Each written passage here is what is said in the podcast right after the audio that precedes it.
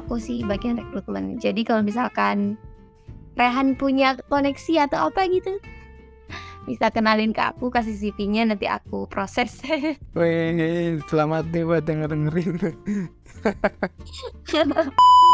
Tapi kira-kira ya dari sudut pandang aku kenapa aku diterima karena aku waktu di interview itu attitude aku kayaknya baik gitu loh. Jadi aku tuh nyapa semua orang yang ada di sana padahal aku nggak kenal sama sekali. Ibarat kayak pagi bu, pagi pak, saya ini uh, calon calon pelamar baru ini pak, gitu kenalin Dita Dita gitu. Semoga aku ketemu, semoga aku terima ya pak ya. Nanti kita ketemu, kita bisa makan bareng nanti di kantin gitu kan. Mungkin bilangnya kayak gitu. Kalau aku ke semua orang kayak gitu sih misalkan mau cari kerja gitu mending kayak gitu SKSD SKSD itu poin utama untuk cari kerjaan sumpah iya yang aku pertimbangkan sih untuk pertama-tama waktu first graduate itu pengalaman dulu sih. Karena kan dulu CV aku masih kosong kan gak ada pengalaman yang real kerja gitu loh yang tanpa magang. Jadi aku memanfaatkan itu dulu uh, sambil berjalannya waktu ya aku sambil sambil lari-lari kecil lah ibaratnya gitu kan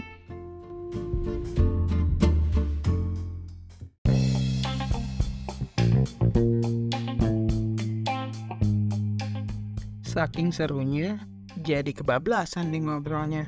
Potes ini dibagi jadi dua part ya.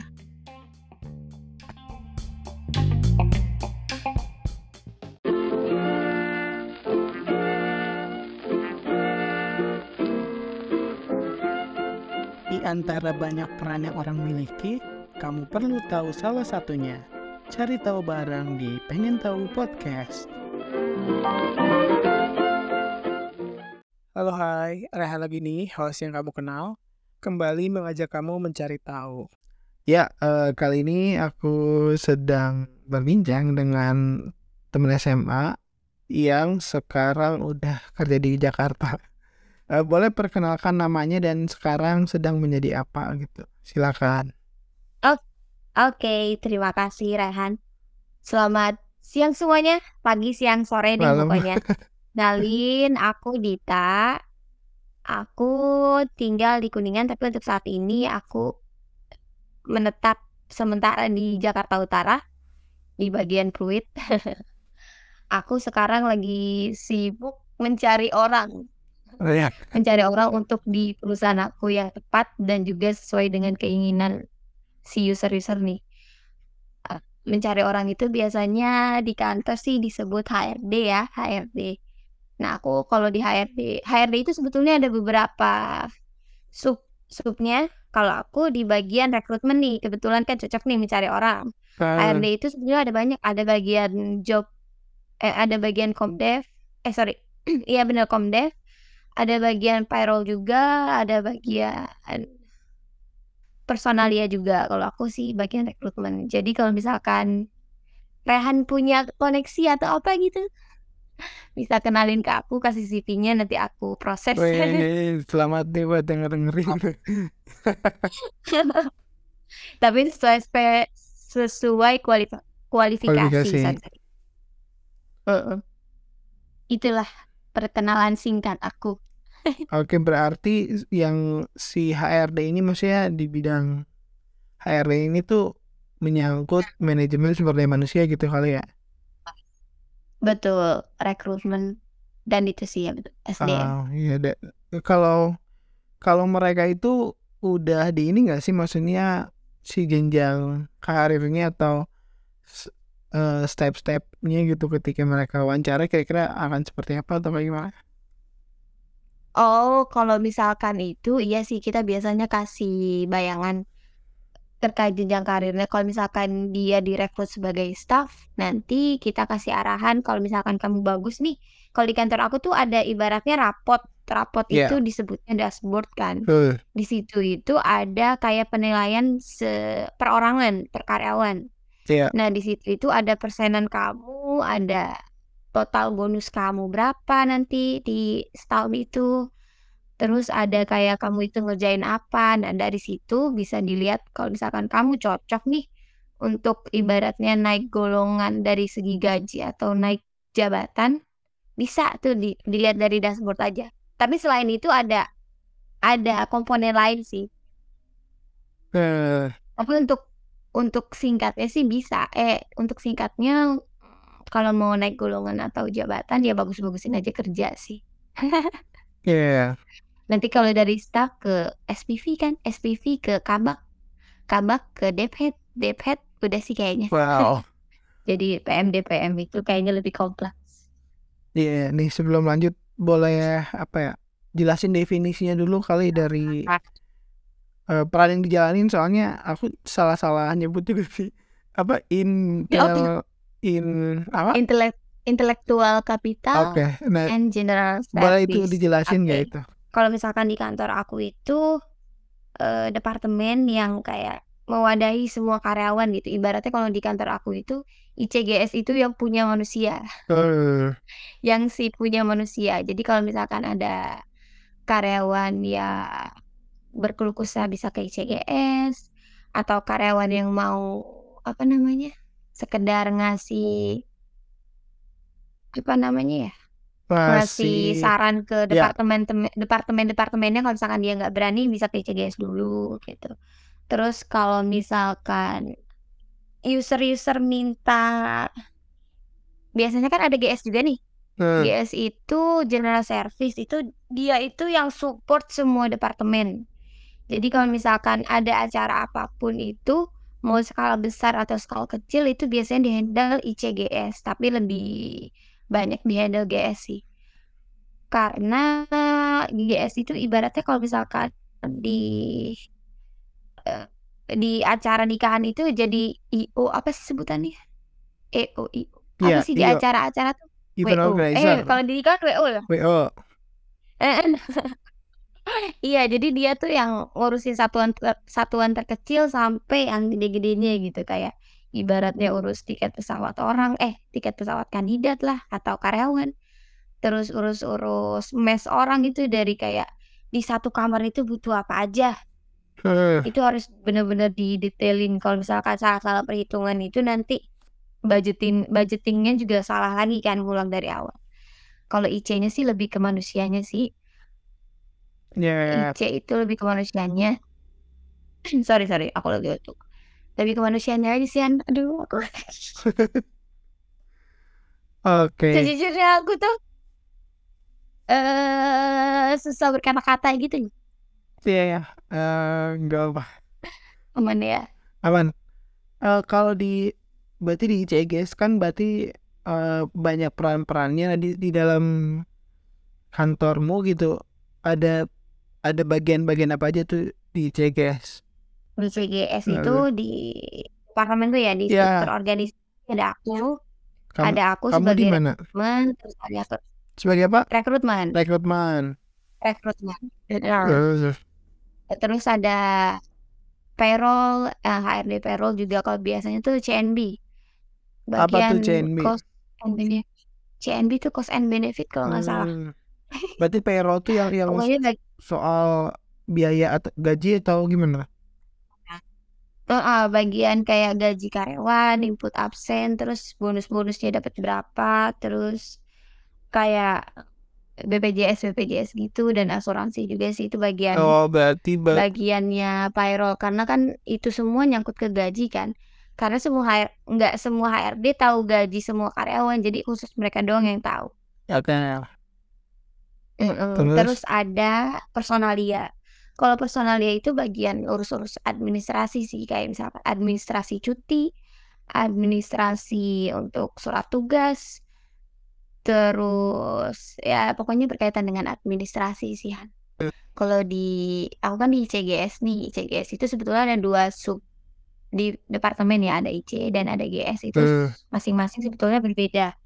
Kalau GS itu nggak bisa nyelam ke IC, tapi IC bisa nyelam ke GS. Karena kalau di IC itu banyak yang konfidensial gitu loh. Iya. Kayak urusan karyawan-karyawan gitu kan confident banget tuh. Nggak betul. boleh semua orang tahu ibaratnya. Heeh. Kalau di GS itu biasanya support aja sih, karena kan kalau support itu semua orang bisa kan. Eh, Ibarat kalau pesan-pesan tiket pesawat gitu kan aku pun bisa gitu. Ya. Eh, Kalau di IC sendiri itu ada bagiannya aku nih sebagai rekrutmen. Di rekrutmen sendiri aku kebetulan officernya cuma satu dan ada atasanku sih dua kasih dan kabak eh kadep sorry Berarti bertiga Terus tuh di rekrutmen. no sorry untuk bagian rekrutmen itu yang bagian rekrutmen rekrutmennya aja ya Ya. sebetulnya ada dua aku dan eh, kepala seksi ibaratnya SPV-nya Oh, bagian rekrutmen kalau yang satu lagi itu departemen headnya atau manajernya sih Oh, Oke. kalau manajer kan semuanya dia ambil kan Iya, iya. Mm-mm. cuma dua aja sih. Dua orang. Untuk dua orang ini nanganin semua rekrutmen. Wow. tapi dibantu kadang-kadang. Ya. sama eh, kepala seksi yang lain gitu karena kadang suka keteteran juga aku kalau sendiri. Eh, terus ada bagian eh, tadi yang personalia. Personalia itu yang bagian administrasi administrasi. Dia yang ngurus-ngurus kayak orang mau cuti datangnya ke dia gitu. Biasanya tuh orang-orang kalau kayak kemarin nih kan mau cuti lebaran ngantri itu ke personalia dia minta izin boleh nggak sisa cutiku tinggal berapa? Gitu nanti dia yang buatin suratnya. Terus ada CNB kalau CNB itu kalau nggak salah kompensasi and benefit. Dia yang ngurus eh, ya. kayak payrollnya. Iya kayak payrollnya di perusahaan. Dia ngurus. Kalau di aku itu nggak cuma satu payroll sih ada tiga. Jadi tuh dia pakainya per klaster ada klaster Sumatera ada klaster Kalimantan gitu Eh, karena kan banyak tuh karyawannya nggak mungkin kalau di handle bareng-bareng kayaknya nggak mungkin gitu loh. Jadi dibagi per klaster aja. Ya.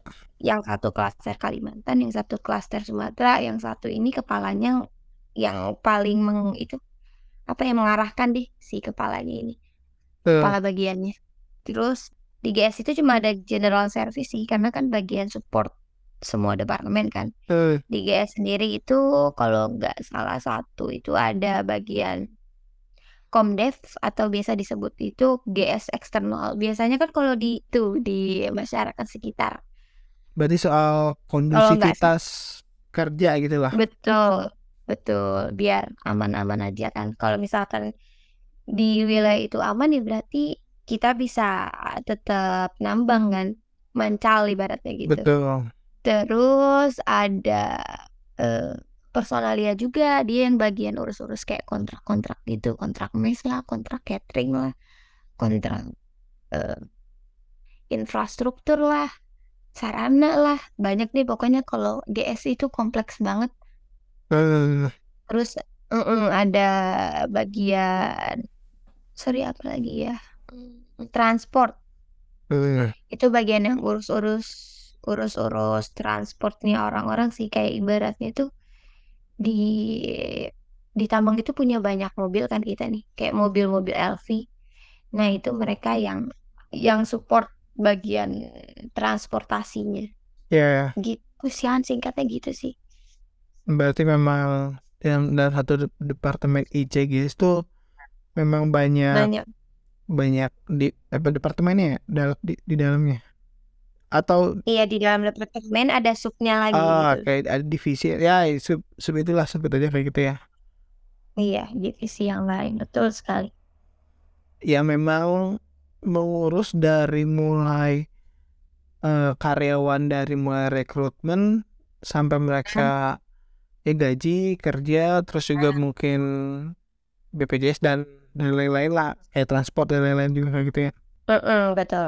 Nah kalau ICGS nah kalau pekerjaan kamu sendiri gitu di rekrutmen tuh itu ngerjain seputar apa aja sih gitu yang dikerjain gitu sih sepanjang tahun ini? Kira-kira oh kamu tuh ngerjain seputar kira-kira ini sampai ini gitu sih. Oke, kalau aku sekarang sih jo eh, apa namanya project bukan project ya sebutannya.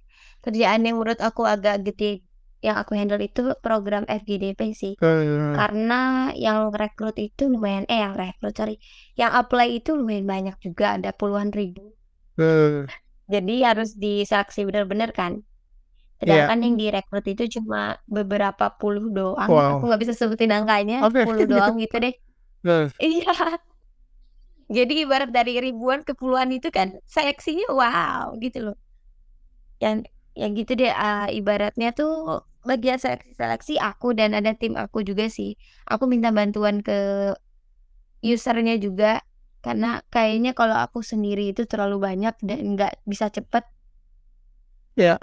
Terus kalau udah diseleksi berkas, eh, Seleksi kita berkas tuh undang nyari nyaringnya pakai apa? Apakah kan sekarang sekarang ini udah ada yang pakai software gitu atau pakai apa tuh? Oke, kalau di perusahaanku sendiri kan web rekrutmennya masih di dibetulin IT ya. Jadi Iya. untuk sementara pakai Google Form. Nah, orang-orang bisa bebas apply sih di situ, tapi ya kita saring berdasarkan kualifikasi. Biasanya itu di Google Form kan.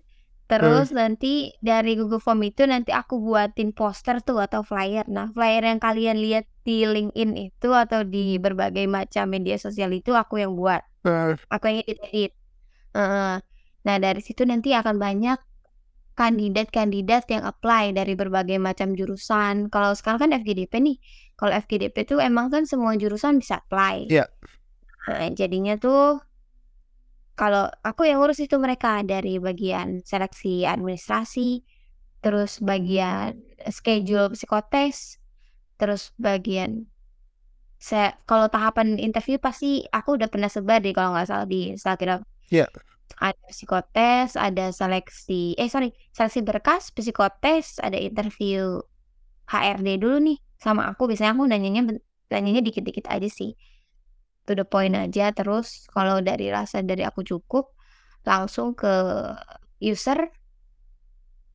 Kalau dari user udah oke, nanti kita lanjut ada eh, OL offering letter di situ. Misalkan ikut program FPDP, bisa lihat nominal gaji yang akan Rehan terima gitu. eh, Misalkan oke ya tinggal ditanda tangan, nanti aku schedulekan lagi untuk MCU. ya. MCU kalau misalkan MCU ini hasilnya nggak semua orang bisa lanjut ya ada fit ada waket ada fit ada unfit kalau misalkan dirasa fit ya Rehan misalkan bisa lanjut gitu ke program FGDP-nya Eh, kalau misalkan ya mohon maaf sekali tidak lanjut gitu. Meskipun itu proses terakhir dari seleksi rekrutmen gitu. Ya. ada MCU-nya sih ibaratnya kayak buta warna juga termasuk itu. Lumayan panjang sih kalau misalkan di implementasi pas kerjaannya itu nggak bisa kelar se- sehari dua hari tiga hari. Bisa berbulan-bulan. Kalau banyak. Dari proyek itu sa- dari awal pembukaan pengumuman dibuka sampai akhirnya diterima itu berapa berapa lama tuh? berapa lama eh, sampai akhirnya diterima di Bisa sampai akhirnya ya? semua udah tersaring gitu. oke itu kita aku kalau nggak salah mulai saring-saring orang itu di bulan Februari tapi eh, terus mau sebenarnya mau kita running di bulan ini kak bulan ini sorry bulan Maret tapi karena ada puasa kan jadi kita eh, skip dulu deh biar orang-orang atau kandidat-kandidat ini bisa puasa bareng keluarga. Ya, ya kira-kira tiga bulanan sih Han. Hmm, tiga bulanan. Mestinya satu bulan kelar. Ya, ya. Eh, Kira- eh. Kira-kira Gitu. yang dari 40 ribuan berkas itu sampai ke interview, Baik sebagai interview HR tuh jadi berapa orang tersaringnya? kesaringnya kalau nggak salah ratusan Wow. estimasi yang interview HR ya Ya.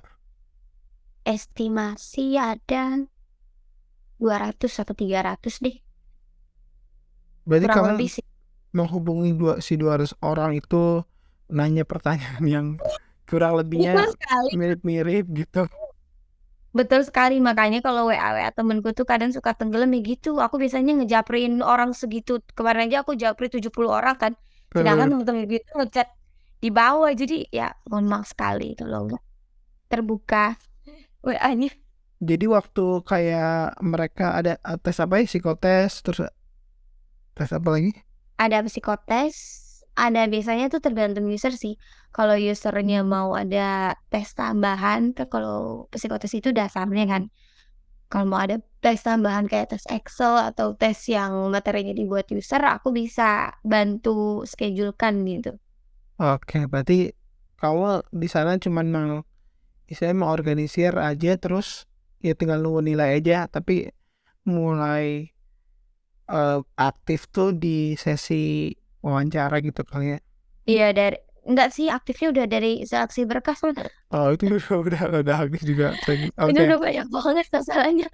Jadi aku filter itu kan biasanya user ngasih kualifikasi nih yang dia pengennya jurusan teknik mesin lah, teknik elektro lah, teknik Iya. uh, listrik lah. Nah, aku biasanya filter dari jurusannya dulu berarti kan. Jurusannya dulu, nanti dilihat IPK-nya berapa, terus dia pernah bikin project apa aja. Itu deh. Ya, secara umum begitu deh.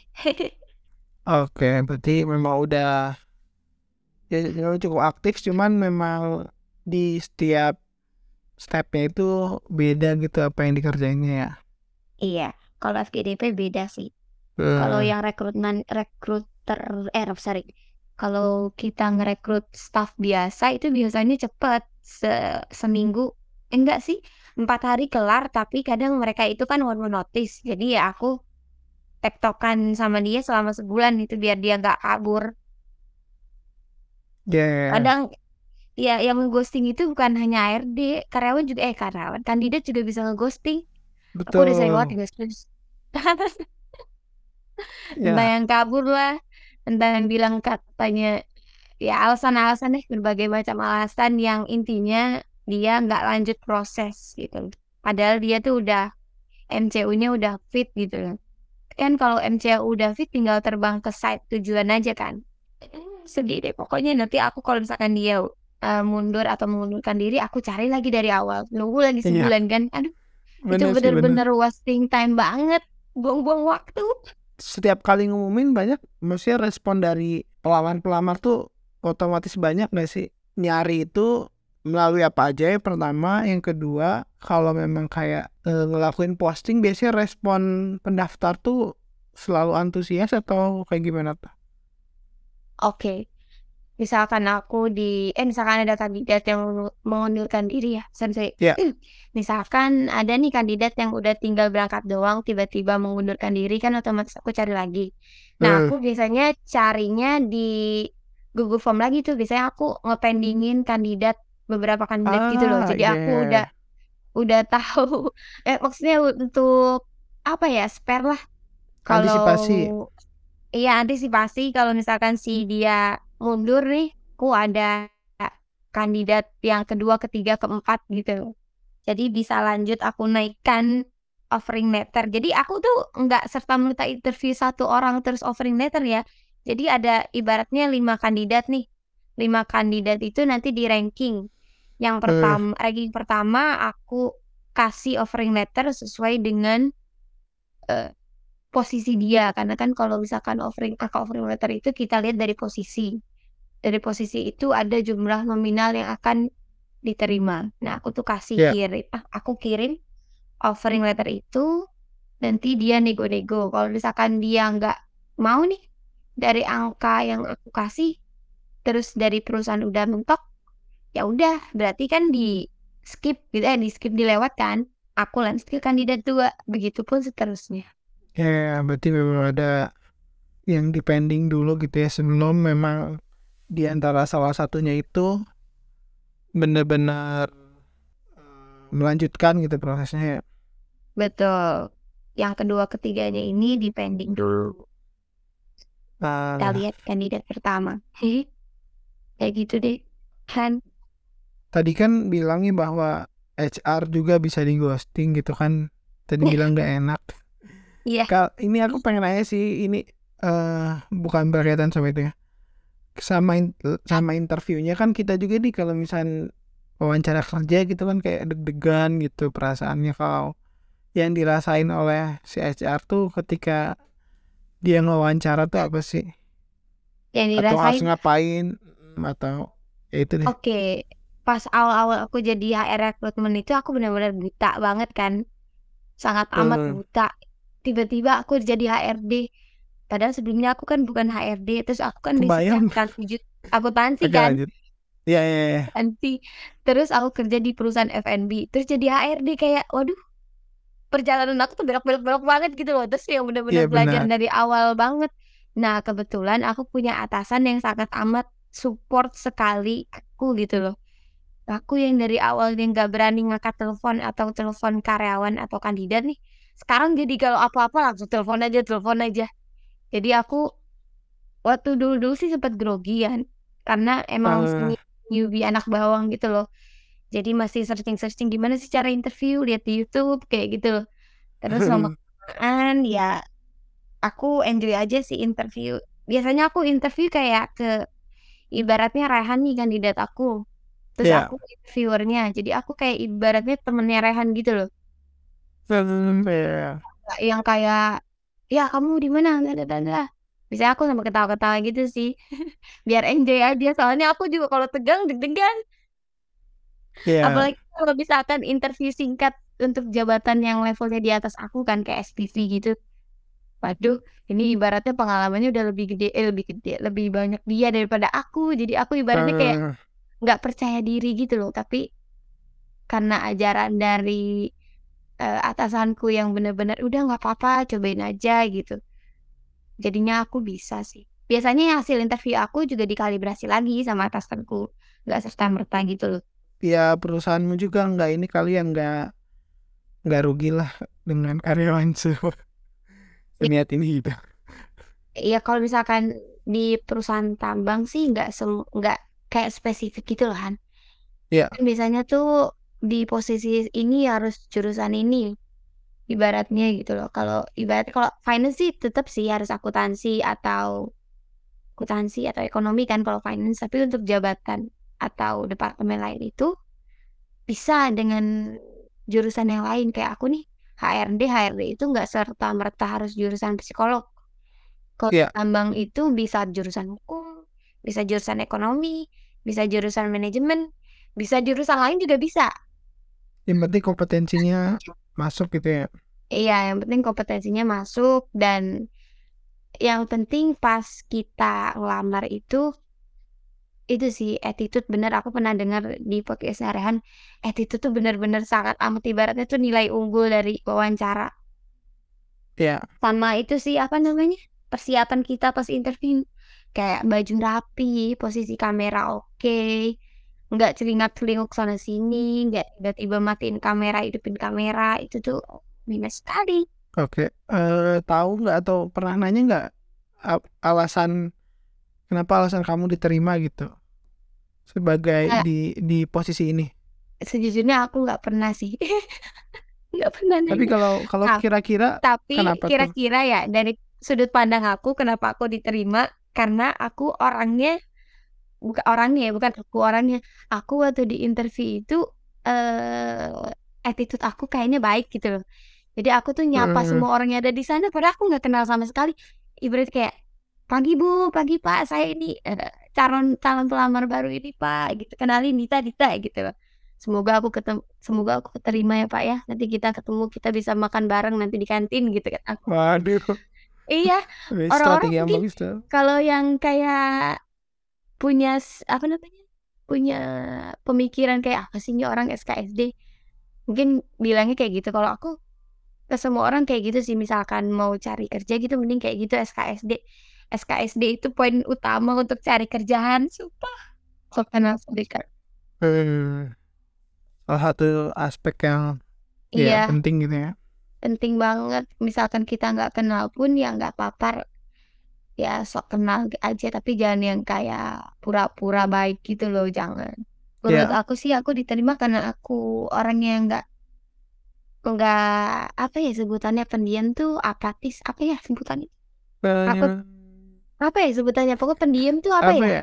Pendiam. Jadi aku tuh Pen orangnya nanya sana sini, kalau misalkan aku belum tahu jawabannya, aku nanya atau cari tahu. Ya misalkan aku udah cari tahu tetep nggak tahu, aku ngintilin si orang itu, "Ini gimana sih, gimana?" Gitu. Ya untungnya atasanku itu mau aku tanyain, aku repot. Ya rasa ingin tahu apa ya bahasanya ya? Apa ya? Penasaran apa? Ya pokoknya nggak pendiam deh.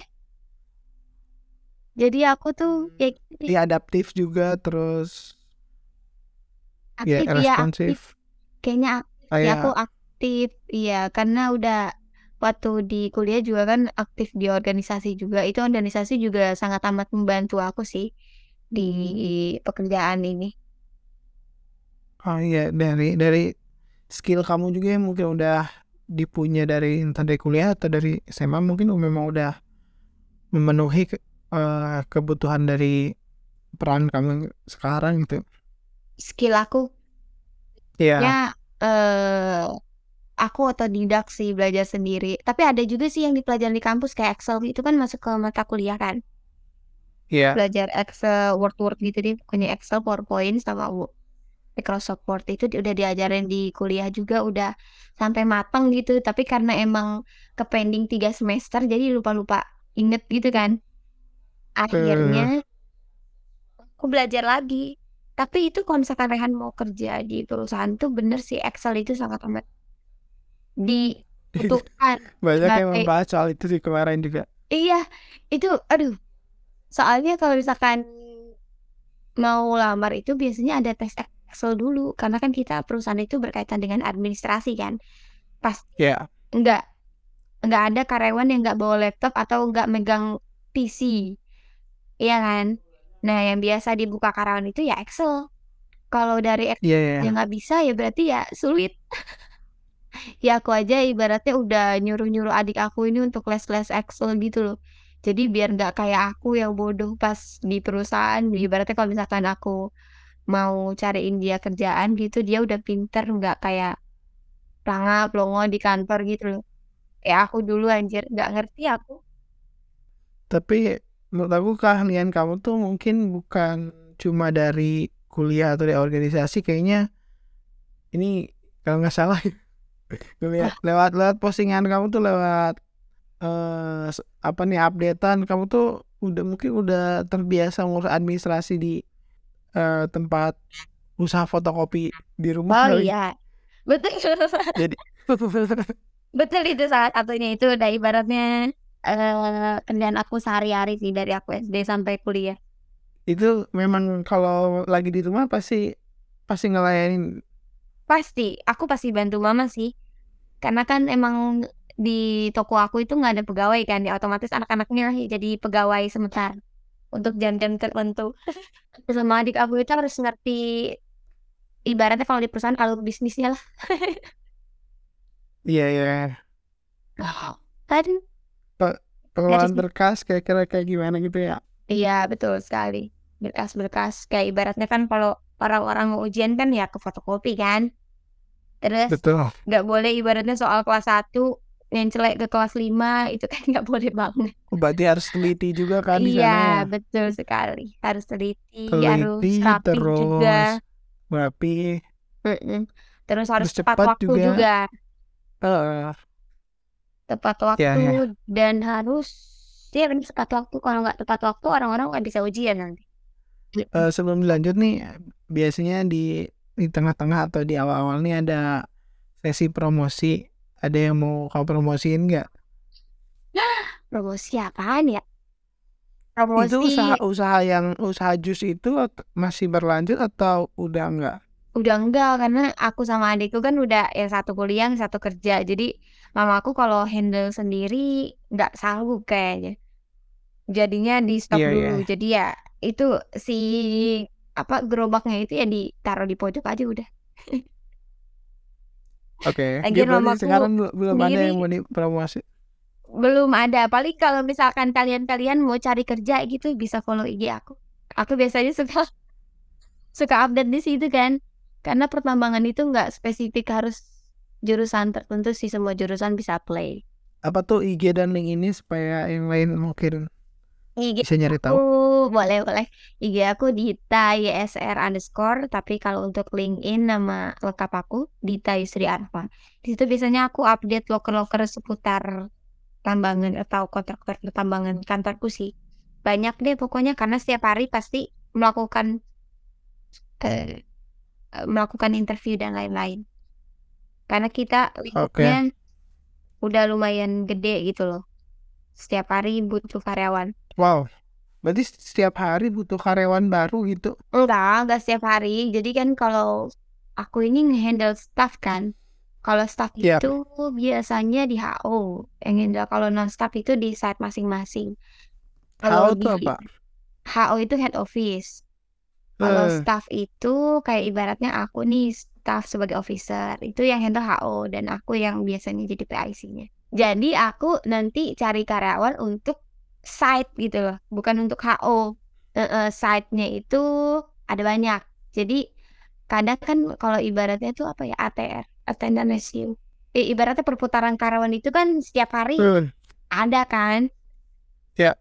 Ya, jadi ya gitu deh kalau misalkan dari lihat tual per bulannya kan pasti ada yang keluar, ada yang masuk, tapi nggak banyak. Jadi kan eh, tetap harus ada proses rekrutmen kan untuk mengisi kekosongan itu. Ya random-random sih kadang yang butuh officer lah, SPV lah, kabak kok. Semua posisi terus kadang storeman. Aku juga kadang handle untuk non staff ya juga sih. Tapi ya. nggak sering nggak sesering staff. Selain Oh itu, iya, aku pernah lihat apa tuh? kamu ke lokasi. Iya, itu itu itu pas Itu, lagi rekrutmen. oh gitu. Se- Sesering apa itu atau tergantung kondisi yang kayak gimana sih mengharuskan ke lokasi? oh, itu tergantung kondisi teman-teman site sih. Kan kalau aku kemarin itu untuk support rekrutmen non staff kan. Biasanya eh, itu non staff itu direkrut di site masing-masing kayak misalkan di Sumatera. Sumatera itu site-nya ada MAS, ada BSEE, ada dan lain-lain. Nah, itu mereka biasanya ngerekrut orang-orang sekitar. Jadi ya mereka-mereka yang sekeliling itu pindah-pindah ada deh. Kadang ada yang pindah ke A, ke B, ke C. Nah, ini kebetulan waktu Fer. kemarin Wah, itu kekurangan, kekurangan orang untuk cari karyawan driver DT atau mobil besarnya tambang itu loh. eh, Apa ya, Tronton, Trinton apa? Nah, itu. ya. Nah, itu ki- jadinya kita ke sana untuk support deh. Kalau non staff itu biasanya ada tes-tes sih, tes eh, pengetahuan juga dan juga ada tes praktek. Kalau DT itu biasanya bawa mobil gedenya kayak dari sudut parkirnya bisa atau enggak, terus bawa mobilnya lancar atau enggak gitu. Karena di lahan tambang sendiri kan mobil yang lewat tuh gede-gede semua kan. Eh, ya. Heeh. Jadi nggak bisa asal pilih orang, nggak bisa nyemot-nyemot orang kayak supir angkot jadiin DT, nggak bisa itu. Sangat amat tidak bisa. Terus terus sebenarnya eh, kalau misalkan mau masuk tambang itu nggak harus kuliah sih. Anak-anak SMK nah, itu nah, sebenarnya sangat amat berpotensi untuk bisa masuk perusahaan tambang. Karena biasanya kita tuh emang cari-cari SMK untuk jadi ibaratnya mekaniknya lah. Eh, mekanik sih biasanya. Kan ada tuh kalau di SMK biasanya teknik teknik kendaraan ringan atau apa ya? TKR ya? ya betul. Heeh. Nah, Eh, itu bisa sih dijadiin mekanik dan eh, untuk THP-nya itu lumayan. apa itu PHP? THP itu ibarat gaji. Oh, THP. Oh ya. Kalau yang em, di lapangan tuh yang ukur kemampuan si pegawai non staff berarti apa namanya? Oh iya, non staff. Kalau non staff, no, lah sorry. Kalau non staff itu ada mekanik, ada operator. Udah sih itu aja, mekanik dan operator. Dan ada juga kayak ibaratnya eh office boy itu ibaratnya non staff sebutannya. Eh, Admin juga itu yang yang menilai waktu mereka tes tek tes praktek tuh siapa? Itu ada usernya tersendiri. Di Oh iya. Iya, karena kan kalau aku ini kan di head office. Head office Betul. itu eh, sifatnya support, support di site kan.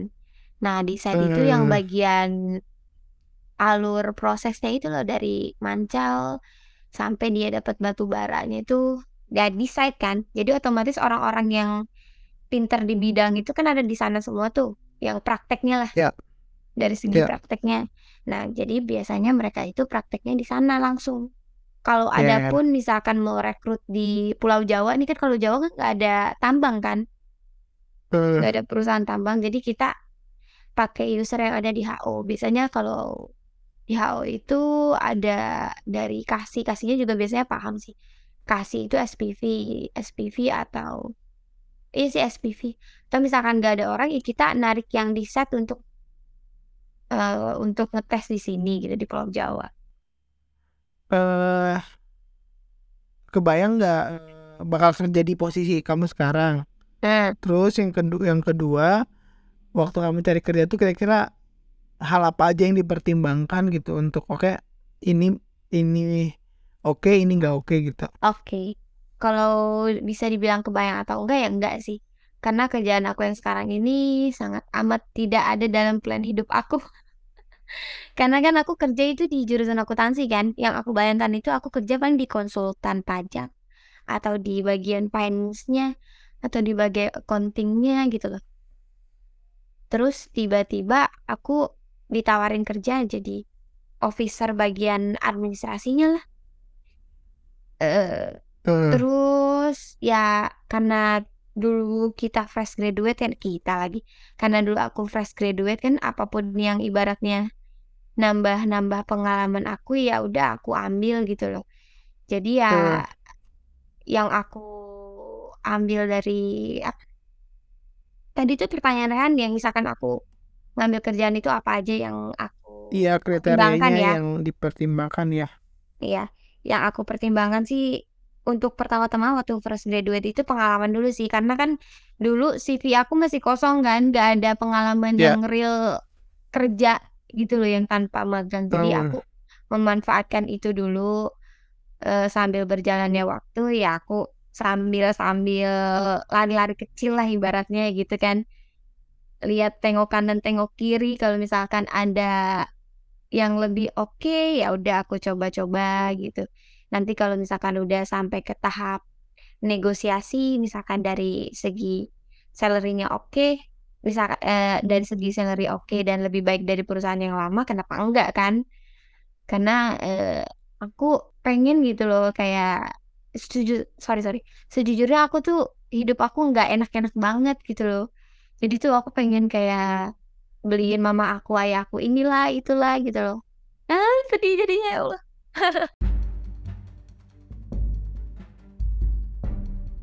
Bahasan di episode selanjutnya.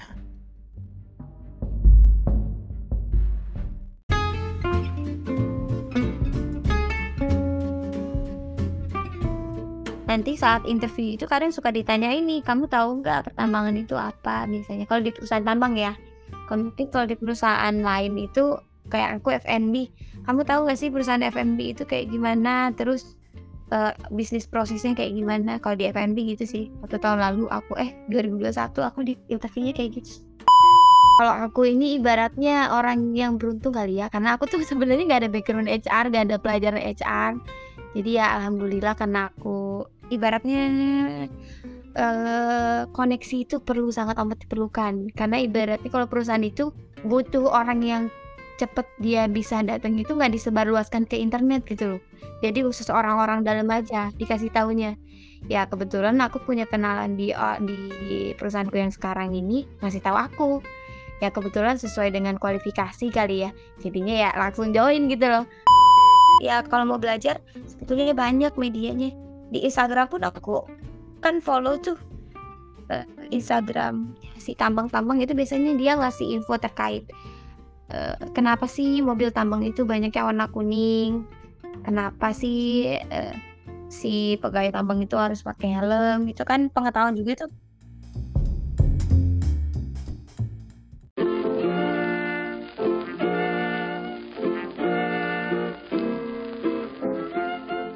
Makasih juga buat teman-teman para pencari tahu.